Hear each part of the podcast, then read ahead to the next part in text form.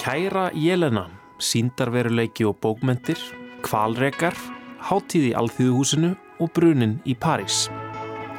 Árni Daniel Júliusson, sagfræðingur, verður gestur okkar í dag við ræðum við hann um kvalrega og hvernig þeir byrtast í heimildum á 13. og 14. öld. En átni telur að frumstæðar kvalveiðar og kvalregar hafi spilað starra hlutverk í lífi þjóðarinnar en oft hefur verið haldið fram. Við ætlum líka að ringja norður á Siglufjörð í aðalheiði Eisteinsdóttur en hún efnir til mikillar menningaveislu um páskana í Alþjóðuhúsinu þar í bæ. Í tilöfni alþjóðleira ráðstefnu um merkingafræði bókmenta sem að nú stendur yfir við Háskóla Íslands verður rætt við einn fyrirlesarna þar. Hannes Högna Viljánsson sem starfar við gerfigreindarsetur Háskólans í Reykjavík. Hannes Högni verður tekinn tali um sköpun síndarveruleika og tengsl forritunar og merkingarfræði. Marja Kristjánsdóttir, leiklistargagrínandi, segir hlustendum svo skoðun sín á uppfæslu borgarleikhúsins á kæru Jelenu en við ætlum að byrja á stór fréttum gerdagsins.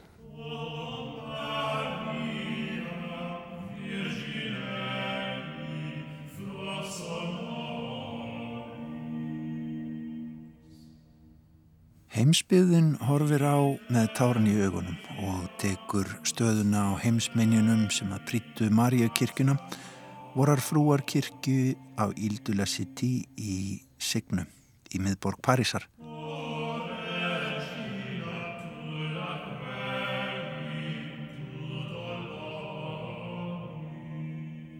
Kirkjan sjálf auðvitað á heimsminjaskrám brann illa í eldi í gær.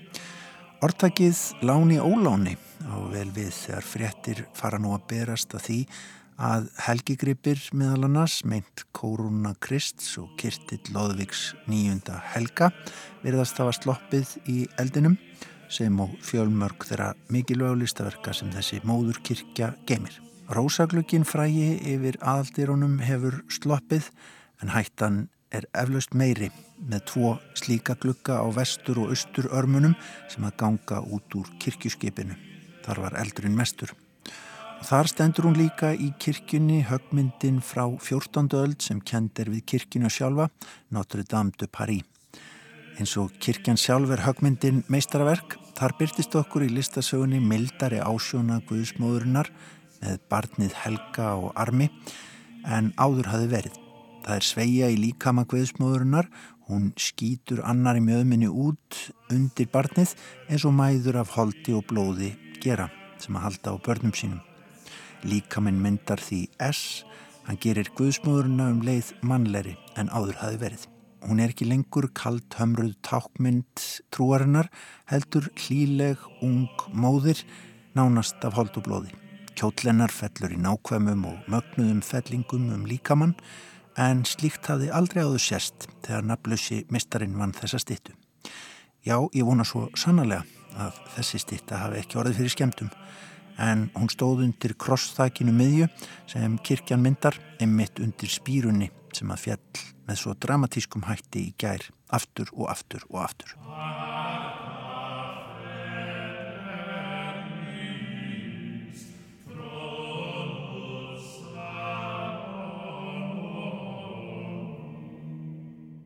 Og svo er það tónlistin. Notre Dame kirkjan og helgihaldið sem að henni tengist er einn mikilvægasta miðstöð í þróun vestrætnar tónlistar sem um getur. Mildi þykir að sögufrækt orgel kirkjunar hefur bjargast. Orgel var fyrst byggt í kirkjunni árið 1403 en að grunni til er núverandi orgel frá fjörða áratug átjándualdar. Sengt á 20. stöld og nú nýlega á síðustu árum hafa farið fram miklar viðgerðir á þessu volduga hljóðfæri þó að nokkrar af 8000 pípum þess meir ekja aftur á miðaldir. Þarna er líka vakka fjölrödunar í vestrætni tónlist. Fyrsta messan var sungin í kirkjunni á nýjunda áratvíi 12. aldar og til eru handrit frá því um aldamótin 1200 sem að geima fjölröda söng eins og hann var þá yfkaður í kirkjunni. Á 13. öld byrstast okkur síðan fyrstu nafngreindu tónskáld tónlistarsögunar, ef svo má segja. Leonínus Magister, mistari Leo og Perutínus sem var mesti meistari síns samtíma í tónlist Evrópu og samti óðinn til Marju Guðsmóður sem hér hljómar undir.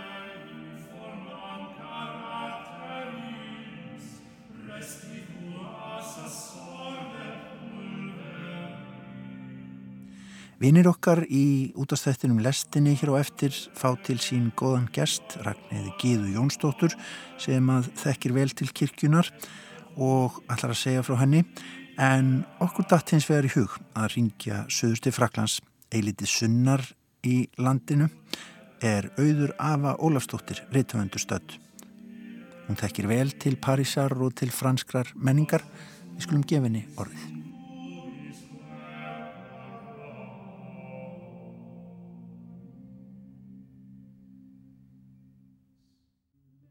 Manst þú eftir auður þegar að þú komst fyrst inn í þessa kirkja? Já, ég man vel eftir því. Ég bjóð nú allir í, í hverfinu í sjö ár og það var einmitt þessi mikla stærð og upphafning sem að sló mig. Þessi mikla lofthæð og þessi dásamlegu glukkar, þessi dásamlegu steindu glukkar, rósinan og gríðarlega fræð, þessi ringla glukki. Eh, og þetta er allt Maríu kirkjur, allar Notre Dame kirkjur, þær eru helgaðar hérna Maríu. Og svo er hún líka í miðju, eða svona hjarta Parísar eins og krakkar myndi segja, hún er hérna út á einni en samt eh, alveg í miðjunni, hún sést allstað frá.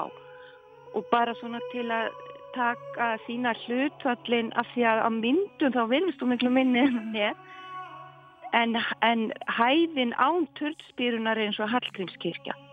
Það sem að slægir marga er hvað hún er ofbáslega stór og, og hæðin og, og, og skipið en þetta er þetta hugsað þannig að maðurinn finnir fyrir smæðsynni.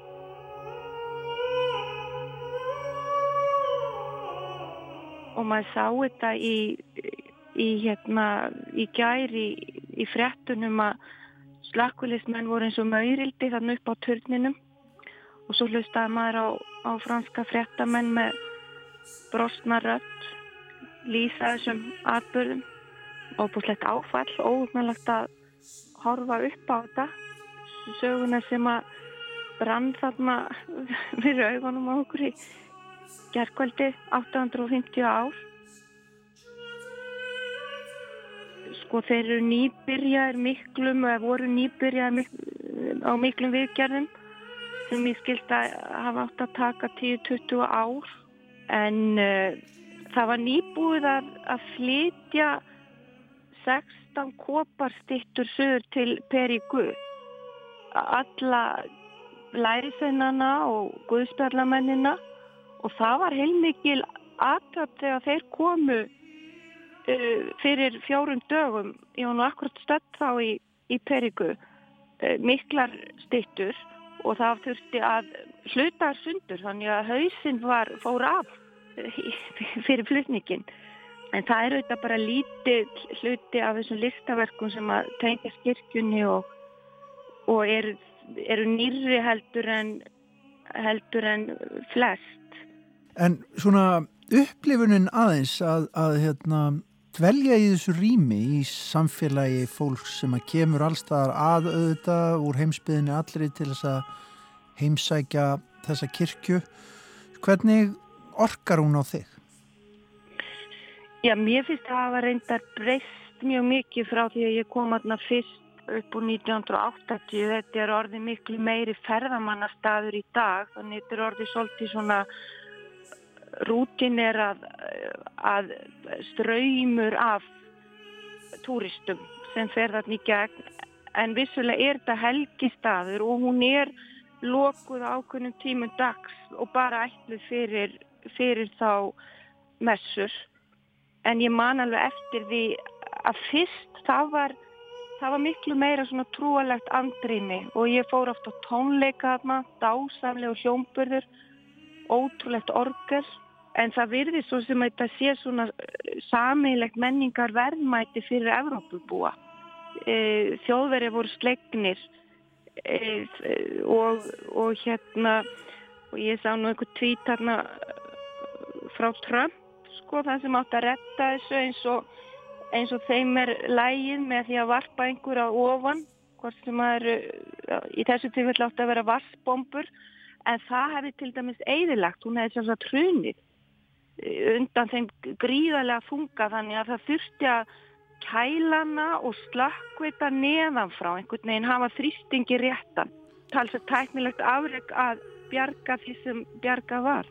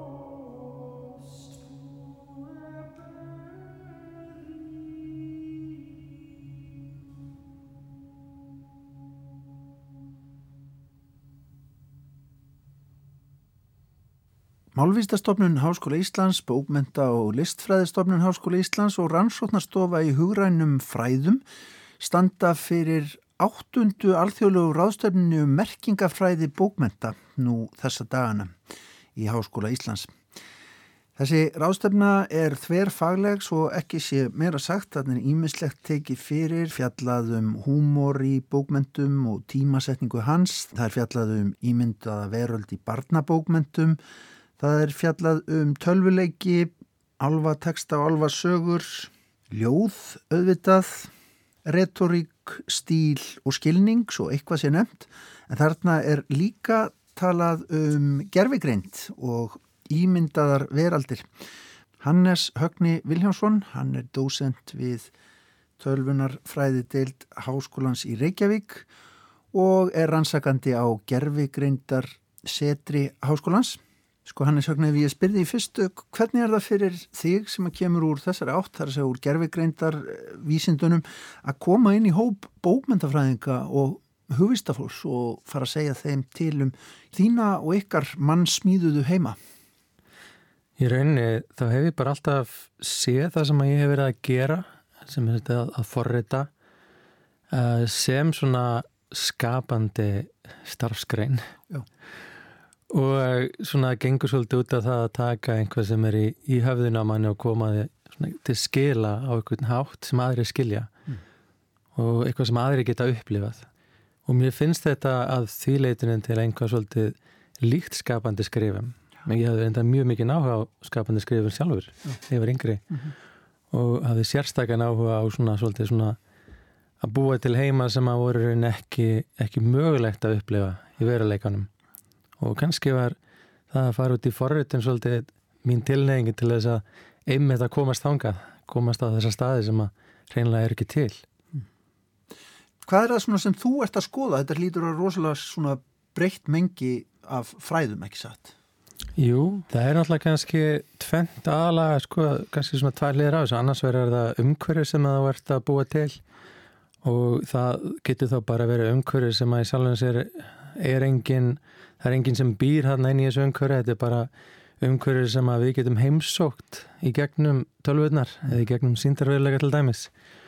Og þá er ég að skoða hvaða áhrif það hefur á manneskuna að fara inn í þessu umhverju þannig að við getum hreinlega bara mælt hvernig þið líður inn í umhverjunum hvaða svona sálrænu áhrif þetta hefur á þig að fara inn í þessu umhverju já kannski eru við hreinlega bara að mæla einhverja svona framtíðar möguleika segjum til dæmis í hérna, skipulagi eða við erum að skoða umhverju hvort þau geta hafið, haft einhver svona hvað ég segja, meðferðarlega áhrif kannski, eitthvað sem að hjálpa þér er að komast, takast á við hluti í, í raunveruleikanum mm.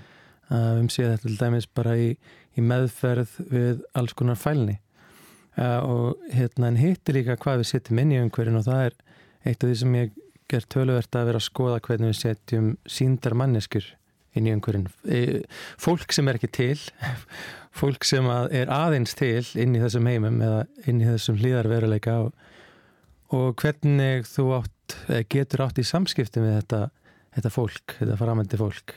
Hefur þú smíðað margar manneskur? Já, hansi margar.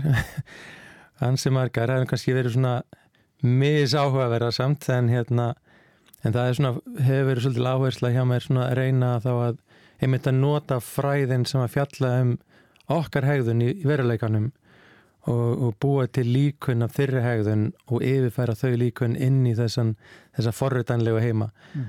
það sem að við getum hreinlega látið þessar síndarmanniski bregðast við að svolítið svona náttúrulegan hátt mm. Og þá þartu þetta að nota þér mótel sem eru til úr sálfræði og úr félagsvísindum mm -hmm. og öðru slíku sko Þú lítur að leita fanga hansi við það, getur þú nefnt einhver dæmi til dæmis? Já, alveg heilmikið sko. Og við erum verið að vísa mjög mikið í Adam Kendan sem að komið ákveðna kenningar um hegðun fólks í hópum og, og við erum heimlega útfærið með þessar kenningar þannig að þú gæst alveg séð hópa að fólki hegða sér svolítið eftir hans líkani og, og við settum okkur í samband við hann. Og þá á Ítali orðin yfir 70 ára gamall og hann var gríðarlega áhuga samur, kom til Íslands mm. og, og hérna og hafði, hérna, bara í fyrsta skiptið sá hann þetta allt saman bara raungerast á, á skjánum.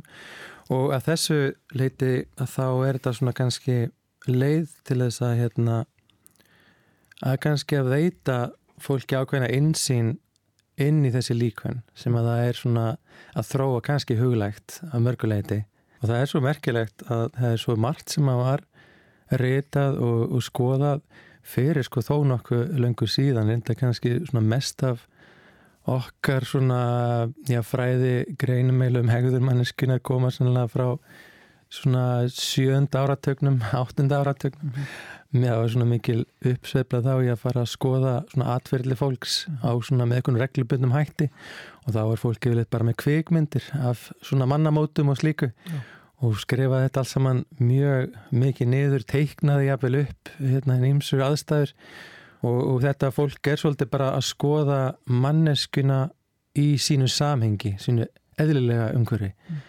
og, og reyna að finna svona hver eru minstrin, helstu minstrin í hegðun þeirra mm. og við sjáum þessi minstur við vitum að þau eru til og ef við getum framkallað eða þetta sama minstur inn í inn í þessum tilbúinu veruleikum að þá þá teljum við að við séum allavega að ná svo til árangri. Mm. En nú eru kannski einhverjir sem eru hissa yfir þessum veruleika og þekkjan ekki, hafa ekki farið til dæmis inn í síndar veruleika eða, og þá velti fólk því fyrir sér hvort þetta sé fyrst og fremst hugarleik við mig, ykkar vísindamannana eða hvort þetta sé eitthvað sem er í sér hagnýtt gildi. Hvað er hérna, það eru allar, allar útgáður til að því ekki satt? Já, bara einmitt sem rauninni vísindamenn þá er það alltaf mjög mikilvægt fyrir okkur að sína fram á gildi það sem við erum að gera og til dæmis þá hefur við búið til umhverju sem getur kalla fram viðbröð við, við fælni viðbröð við, við ákveðnum tegundum áreitis mm. og við getum alveg mælt uh, við getum mælt í hjarslættinu til dæmis hvort mm. að viðkomandi bregst við og við sjáum að fólk sem er ekkert vant svona umhverfum eða eitthvað slíkt, mm. það bregst við bara eins og uh, nánast eins og um raunverulegt áreiti verið að ræða mm. sem að þýðir að, að þetta hefur greinlega samsvörun við veruleikan mm. og, og þegar við erum með þessa samsvörun við veruleikan þá er þetta ekki lengur bara einhver hugsanæfing þetta, þetta er beinlinnis sko, tæki uh, sem við getum notað uh, til þess að gera allt mögulegt og, og við hefum líka verið að nota þetta til þess að, að þjálfa og, og kenna fólki hluti mm. og, og það er bara kannski eins og eitt dæmi að þá eru við með síndaröngveri sem að kennir eh, kennsluaðferð eh, sem að gagnast reyndar mjög vel kennurum sem er að vinna með einhverjum krökkum mm. og hérna, þessi kennsluaðferð er svolítið snúin og það þarf svolítið bara að, að æfa sig í henni en þú vil kannski ekki æfa þig á einstaklingum sem er að reyna að læra mm -hmm þannig að svona síndaröngurum koma þarna inni sem bara þarna er bara staður þar sem þú getur bara sest niður fyrir framann síndarnemanda mm -hmm. og byrjað að kenna mm -hmm. og svo getur umhverjuð og þessi síndarnemandi bröðist við þessari kennslu mm -hmm. og svona, hvað ég segi, svo unni hjálpa þér að, að, að ná tökum á kennslaðaferðin áðurnuferðin í raunverulega kennslustofu og, og við fengum mjög góð viðbröðið mitt frá kennurum sem að voru að læra þess aðferð sem að þá settu sig inn í þetta umhverfi. Mm. En nú ertu að fara í samingi og þú hefur hendur aðeins verið í því samingi að koma inn í eh, til dæmis kennslu í málvísindum og, og í hugvista sviðinu. Hvað getur maður þú kent til dæmis sko málvístamönnum uh, og, og bókmyndafræðingum og þarfram til göttunum eins og eru á þessar ráðstafnum sem umræðir hér? Það getur verið margt eitt af því sem ég nú oft uh, og tölum svolítið um líka bara fólk sem er að er að forrita mm. uh, það má kannski segja að það sé að nota tungumál, en ekki náttúrulegt mál, það eru forritinamál mm. til þess að lýsa þessum líkönum og þessum umhverjum sem að það síðan vil bara setur í gang og, og byrja að tikka allt í einu mm. og þegar þú ert að skrifa og forrita svona hermilíkvenn þá ert að búa til einhvers konar síndar einstakleik inn í þessu umhverfi sem að, sem að bæði hafa einhverja eiginleika og geta hegða sér á okkur nátt þannig að þú þarfst að geta líst þessari þessum eiginleikum og þessari hegðun með einhverju máli. Mm. og mikið af því sem þú gerir í forröðin er, er að nefna hluti. Þú, þú gefur þeim nafn. Þú, þú gefur þeim skilgreiningar. Og þú skilgreinir þessar hluti til þess að geta síðan farið að meðhandla þá. Mm. og það er algjörlega undir þér komið sem, sem forriðra hvað, hvað þú skýrir hlutina og hvernig þú skilgrinni það. Mm. og, og það í sjálfum sem finnst mér svolítið skemmtilegt að skoða, ég geti skrifa tíu línur af einhverjum forriðakóða sem inni heldur hluti eins og uh, heila eða hugsun eða, eða hérna, skinnjun eða eitthvað slíkt. Já og þannig lítur þetta út á skjánum hjá mér og ég seti þetta í gang og, og ég upplifið þetta sem kannski einhverja veru sem skinjar umhverja sitt og, og hugsar. Og það sem þú ert að tala um núna, maður hugsa strax, það er hansi stutt yfir í bara skálskapin, sem slíkan.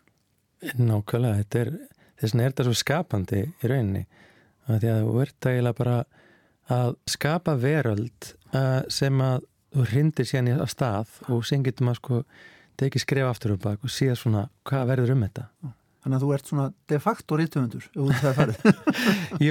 En ég vil enga veginn sko kannski hérna segja, segja of mikið. Það er að segja ég vil ekki um, já ég vil ekki einhvern veginn segja eða stela kannski Nei. svolítið eh, hérna, þeim frösum kannski. Nei.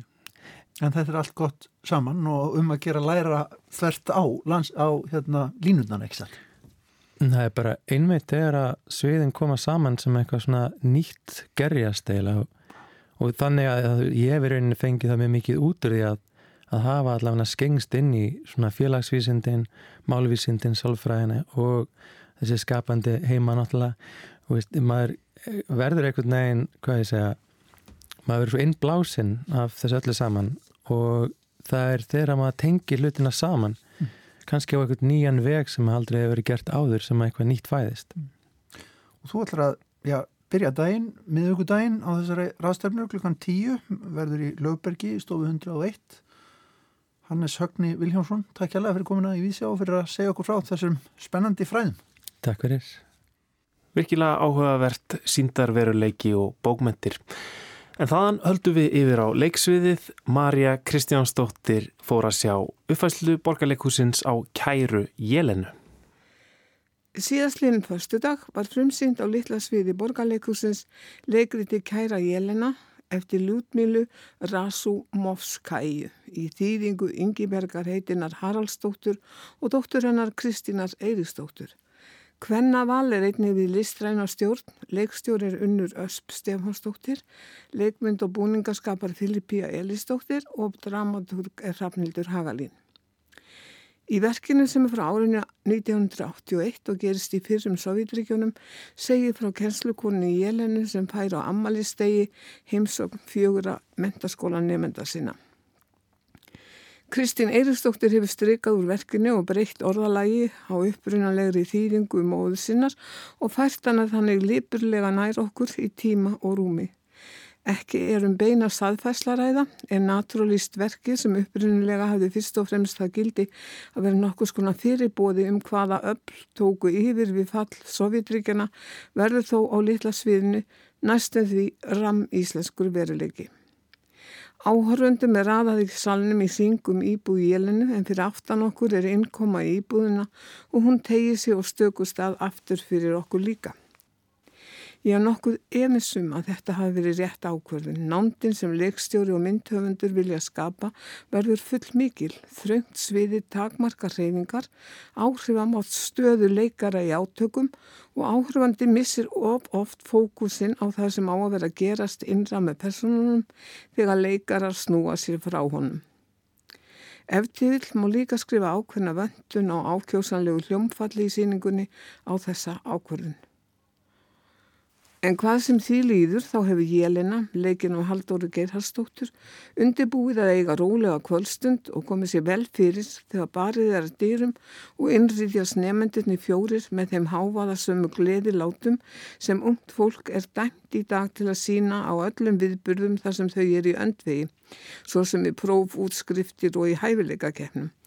En nú eru þau valdi Lilja, Pétur og Viktor að fagna ammali kjænslukonuna sinnar og bera henni blóm og gjafir. Hinn einmanna Jelena verður á mjög svo fallegan hátt yfir komin á gleði en brátt hverfið svo gleði því annað vakir fyrir gestunum. Haldóra sínir okkur í fremur hófstiltum leik og með skýru látæði gamaldags kjænslukonum sem hefur haldið nefndum í skefju með forræðisikju og innan tóman frösum um hugrekki, heiðarleika og sirkæði. Þegar skerst í ottamilli hennar og nefnda nægir þessi tólkun hins vegar ekki. Þá vantar það auðsæranlega viðkvæma sem fautar nærast og blása sig út á. Og þá flýst líka aðal áherslan í verkinu frá jélinu og yfir á prímus mótorsýningarinnar Valda sem leikin er af leiklistanemanum Aronni Má Ólafsinni. Hann á ímislegt eftir að læra í líkamsbeitingum en tekst samt að skapa personu sem undir sakleissislegu yfirbræði geymir siðleysi og mannfyrirlikningu og draga upp fyrir okkur hryllingsmynd af manni nánast líkamna gildismata ákveðinar hagfræðikenningar sem leikið hefur okkur og umheiminn grátt. Hann er bara mættur í kórréttum búningi yfirstjættar degur drengurinn sem við þekkjum svo vel, sá sem allt hefur fengið upp í hendurnar og mun fá, sá sem á sér aðeins eitt gildi peninga og þau völd sem þeim fylgja. Sá sem í sjálfhverfi sinni telur sig umkomin að gera tilraunir með líf annara en það virðir hann þá einskis. Í stað þess að í sviðsetningunni sé dreyin upp mynd af átökum millir tvekja kynsluða, byggði sig upp hægt og rólega læfisleg skipulöð miskunnulegs árás á kjenslukonuna hinn gamla tíma og niðurbrót hans, eins og verki býður við fyrsta lestu svo augljóslega upp á, þá fáum við í reynd öðru framar að sjá afleðingar af hegðun, siðblindra, svo kallara leittóa í líki valda. Hvert er geta leitt þá sem ekki hugsa sjálfur, þá sem álýta forriktindastöðu þeirra eftirsóknarverða og elda þá í blindni. Sýningin er því ágætis kennslustund og áminning fyrir samfélag okkar sem fyrir skömmu let slíka drengi og lífskildi þeirra leiða sig nánast til glötunar. En virðist í dag of lítið hafa af því last. Farið og horfist í augu við hryllingin saði Marja Kristjánsdóttir um kæru jélinu sem að nú til síninga í borgarleikusinu. En þá að kvalregum fyrir á öldum þótti það mikið hafð þegar kvalreg á fjöru hér á landi og vísbendingar um þetta eru auðvitað í tungumálun okkar þar sem við tölum um kvalrega þegar við óvænt stórhapp eða mikinn feng. En hingaði komin átni Daniel Júliusson, sagfræðingur, hann flutti fyrirlestur í þjóðminnesafninu fyrir í dag þar sem hann saði frá rannsóknum sínum á kvalregum í heimildum 13. og 14. aldar. En hann skoðar nú hvort kvalregar og kvalveiðar hafi mögulega spilað enn stærra hlutverk í lífi þjóðarinnar en oft hefur verið haldið fram. Í störtlungu þá er sagt frá því sem er mitt bendi til þess að þetta hefur skipt miklu móli að þegar Kolbjörn Ungi er einhver flottan eftir flóabarta uh, þá hérna reðst hann á strandir ætlaði bara að drepa alla og eigða byggðinni að það flúðu allir allir skítrætti við Kolbjörn Unga.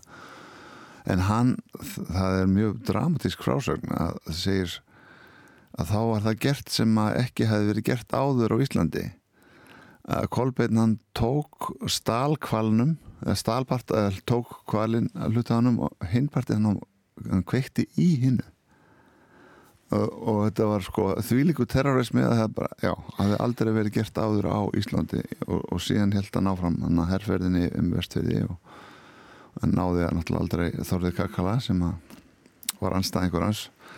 Og hérna þetta er svona svolítið sko gefur til kynni þetta hafi skipt verulega máli. Ég hef reykst á það að, að sumir halda að, að Íslendikar hafi ekki stundið að kvalveðar á þessum tíma. En þetta er náttúrulega alveg skýrt. Það er, menn er að skjóta kvali en menn er, menn er að skuttla þá og með spjótum en, en það er ekki eh, sko taug í, í spjótinu eins og nú tíðgæðist síðan á 20. öld sko. Og hérna það hefur verið rannsakað hvað eiginlega gerðist, hvernig fórum með svo að með, ég menna var hægt að drepa kval með einu spjótskoti það var e, semst, það, ver, það er til frásög sem að e, einn af þeim tveimur sem eru fremstir þessi rannsakakvali hefur komist yfir, hann heitir Óli Lengqvist þessi e, fræðmaður og hérna hann er skrifað dottorsvíkið um kvalveðar í Norðurhöfum og, og komst að því að að norðmenn hefðu stunda það að, að, að skjóta hvaða limisbjóti og, og síðan drápust hvaðlinnir á blóðutrun. Og uh, þá sem strak þá á land eða voru, það er líka, maður sér að líka í heimildunum, þeir voru teknir og tókaðir í land. Og, og þá sagt, þá voru stundaða hvalveðar en, en, en þá voru þeir bara látni reka og þá bara beðið eftir, eftir að þeir kæma á land einhvern tíðan nokkur dögum senna eða hvað? Já, og hérna afföllum voru, voru all veruleg hann áallar að síðanst uh, Óli Lengvist talar um 90% afföll mm -hmm. Já, svo er hinn uh, megin fræðimæður sem að er að skoða þetta hann er til Lúðvík, hitt Lúðvík Kristjánsson og skrifar um hvalveðar í íslenska sjávarætti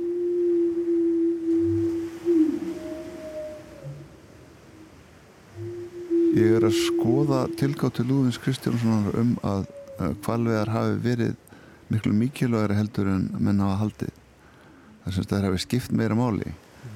Og, eh, og hérna kvalreikar eh, þessi sko að það er ímislegt eh, sem að bendir til þess. Fyrstulega, ég get nefnt sko viðbót sem er í grágás. Það er nýmæli í lögum um kvalreika að leiguleiði sem á land sem að, sem að reikur kval á land hann fær 200 og 45 kíló af kvalunum helmingurinn spik og helmingurinn kjött og það eru það sko bara spiki það er semst, það er mikið magna af, af bara heitæningum í þessum í, semst, þessum helmiki af 250 kílón sem eru spik að það dögar sko alveg í 600 daga fyrir eða 2000 teiningar það er 600 daga forði fyrir tvo einstaklingar til næmis þannig að þetta er alveg rosa sko, með 50 tónna kval þá er þetta alveg gríðalegt magn sko.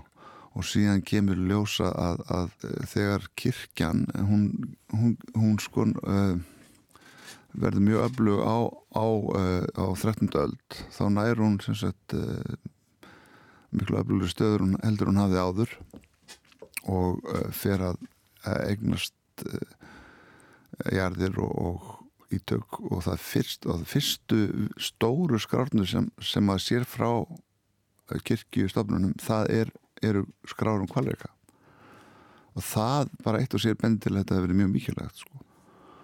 og hérna það eru skrár um kvalreika í eh, frá hólastól og það eru kvalreikar um allara mellarkastettu og langanes og það eru nöfn allara bæina sem að og þessum, eh, það er ekki allir bæjarnir í þýstilfyrði en allir bæjar meðalstéttu eru sagt, á, undir, heyra undir hólastól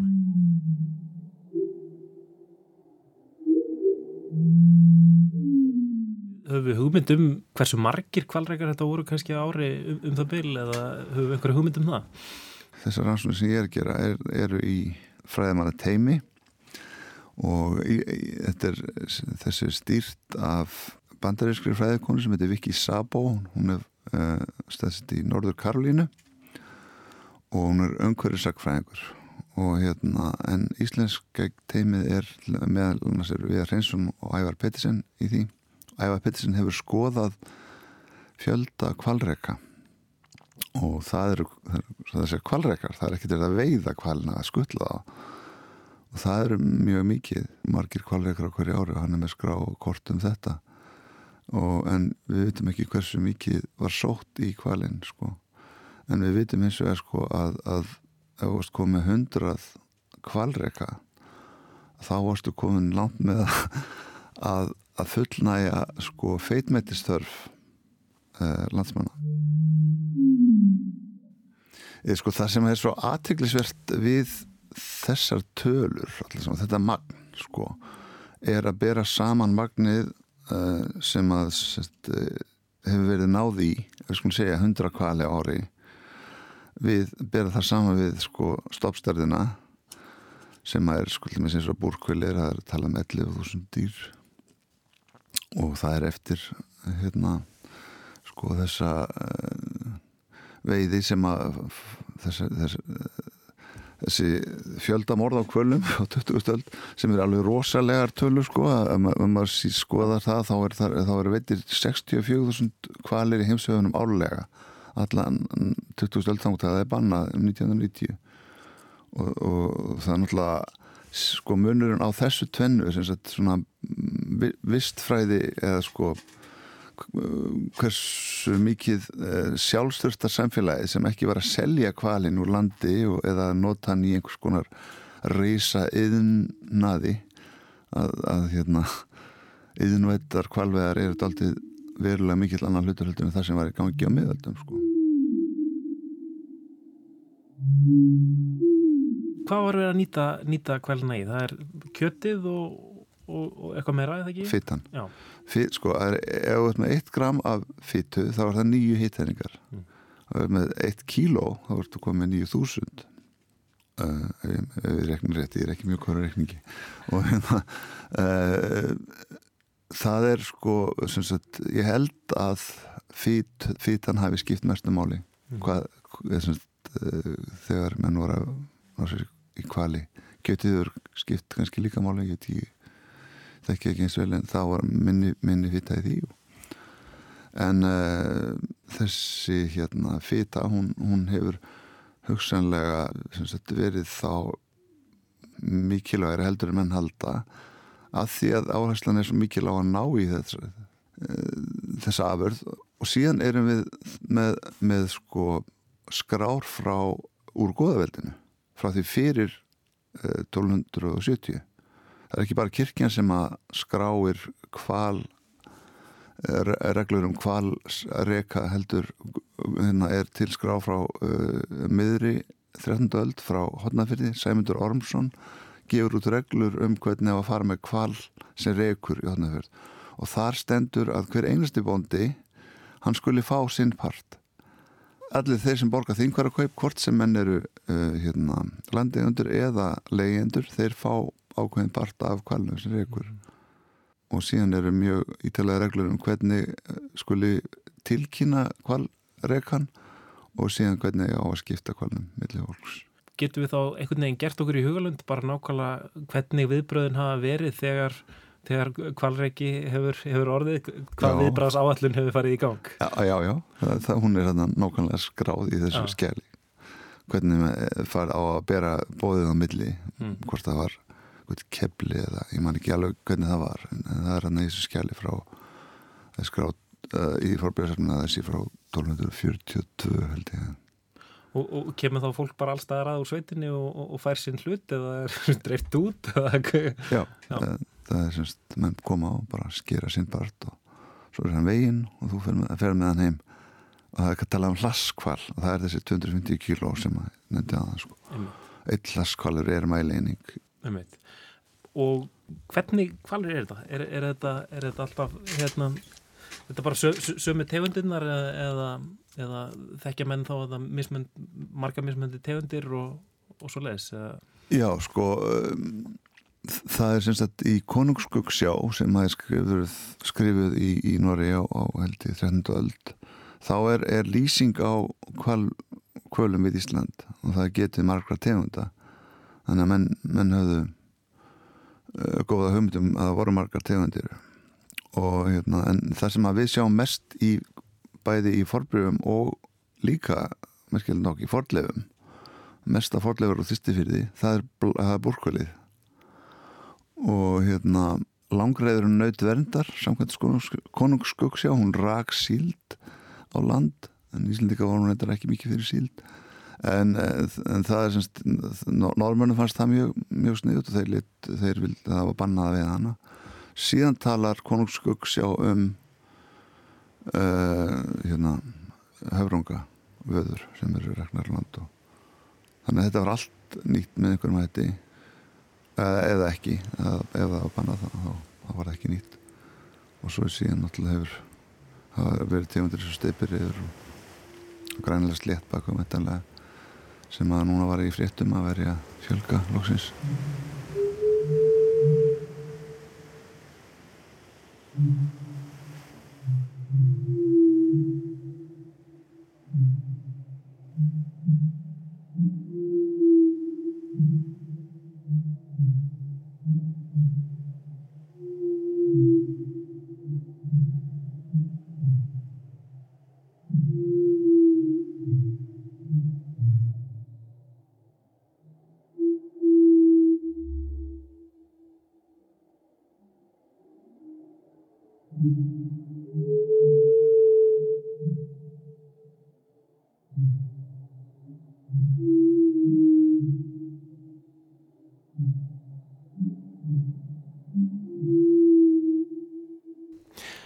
Átni Daniel Júliusson sakfræðingur rætið þarna um kvalreka en hljóðin hérna sem við þið heyri hér undir eru auðvitað söngvar hnúfubakka þú þekktir það guðin eða ekki? Jú, jú, ég þekki mína kvali En þetta eru hljóð sem voru tekin upp af ettu Elisabethu Magnúsdóttur á Skjálfandaflóa og kom út árið 2012 á disk sem heitir The Songs and Sounds of the Icelandic Humpback Whale. Sumi vilja sopna við svona luti, það þykir vist mjög þægilegt. Já, þetta er mjög svona róandi, mm. ótrúlega flott hljóð. Já. En þá ætlum við að halda yfir á Siglufjörð. Við hér í Vísjárum komin í samband við Alþýðuhúsið á Siglufjörði Þar er aðalheiður Eisteinsdóttir á línunni. Komdu sæl og blessuð aðalheiður. Sælvösti. Í hvað? Sjöunda sinn, sjöunda árið í rauð, ertu að efna til menningaveyslu þarna norður frá, ekki satt? Jú, er, þetta er akkurat sjöunda árið. Við mikinn fögnuð gesta og, og, og þeirra sem að sækja við börðina. Mm. Ef við rifjum upp bara af hverju fórst út í þetta, svona, um, þetta leiti ás að, að bjóða heima á Siglufjörð? Já, það er, Siglufjörður hefur reyndar alltaf verið mjög hérna, fjölsóttur staður yfir páskaháttíðina mm. Og mikið um alls konar menningaviðbyrði hérna og það sem stendur hægt náttúrulega að skýða vestíðin og mér fannst uh, vanta svolítið inn í listir uh, í alla þessa flóru. Og uh, það sem ég hef aðstöðu og, og, hérna, og kraft og, og áhuga til þess að standa fyrir menningaviðbörðum að þá uh, byrjaði ég sérst fyrir 7 árum að standa fyrir gjörningadagskrá og síningu í litlu galleríi á, á förstæði langa. Mm -hmm.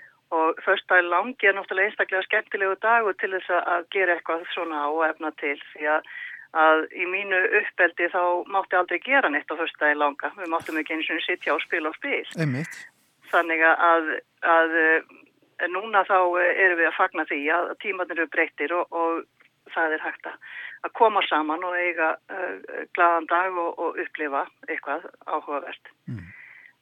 Þessi dagur hefur verið einstaklega vinsæl hjá svo gestum og, og heimamönnum sem að hér eiga leiðum á þessum, þessa páskahelgi Uh, hér hefur verið húsfylli, alltaf reynd og meira segja svo margt að, ég þurft að vísa fólki frá að það hefur ekki komist inn í húsið. Mm -hmm. Þannig að það skapast mjög skemmtileg stemming mm. alltaf. Mm. Þannig líka síning í kompunni. Hver er það sem að, sem að trómar þar upp núna? Já, uh, hérna síningin í kompunni sem er lítið galeri í húsinu, það, hún opnar klukkan 2 og það er unnar Örn uh, Auðarsson sem að opna síningu mm. og svo klukkan þrjú að þá hefjast gjörningarnir mm. og þeir sem að koma fram eru Ástís Sif Gunnarsdóttir Aðalsteit Þórsson og Styrmir Örn Guðmundsson og Katrín Inga Jónsdóttir Þórtísadóttir og í miðju kafu ætlum við að taka svo kaffilli og bjóða fólki og gestum og gangandi hér upp á kaffiveitingar Þannig að, að þetta verður mikil háttíð og, og ég verð endilega að byggja fólkum að þeir sem allir sér að koma á gjörningana að koma endilega tímalega því að, að það er erfitt að hleypa fólki inn þegar að gjörningarnir eru hafnir. Ja. Það er svolítið eins og í leikhúsi sko að það þarf að, þarf að koma tímalega. Bara fylla húsið og byrja svo. Já, eiginlega. hvað er, un, er, svona... er unnarörd með hjá þér? Hvað þarf hann að sína? Já hann ætlar að sína eh, verk sem eh, tengist svona náttúruöflunum eins og vindinum og, og, hérna, og samgöngum og, og svona mm -hmm. sem sagt, já Frábæð myndlistamæður Hann er nefnilega mjög flottu myndlistamæður og það er mjög gaman að, að því að hann er svolítið tengdur hérna til Siglufjörða líka hann á, á móðu sýstir hér og uh, dvaldi hér ofta sumri þegar hann var, þegar hann var barn Já, Þannig að hann er ekki alveg ókunnugur hérna á syklufyrði. Þannig að það er, svolítið, það er svolítið gaman að því þegar fólk tengist. En svo sé ég að á lögadaginn þá er tónleikahald líka þér. Þannig að þetta er farið Já. að tegja sig yfir í alls konar listgrinnar. Já, það er náttúrulega að því að það er alltaf svo gaman. Það það er svo margt í bóði og, og, hérna, og svo áhugaverðir uh, viðbyrðir sem að banka á. Og núna uh, langar mig til þess að starta uh, Uh, tónlistadagsgrá þannig að þetta er í fyrsta skipti sem við gerum þá það verður semst á lögadeginum og eftir lögadagin 20.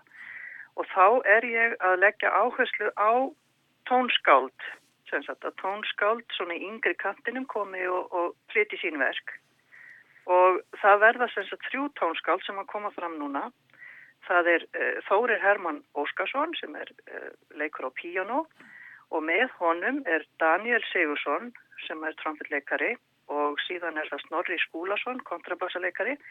Þessi þrýr munu leika uh, verk eftir sérst bæði Þóri og Daniel Sigursson. Mm. Og síðan verður gert hlið og við fáum okkur auðvitað kaffi og kökkur eins og, eins og uh, efnistanda til. Mm -hmm.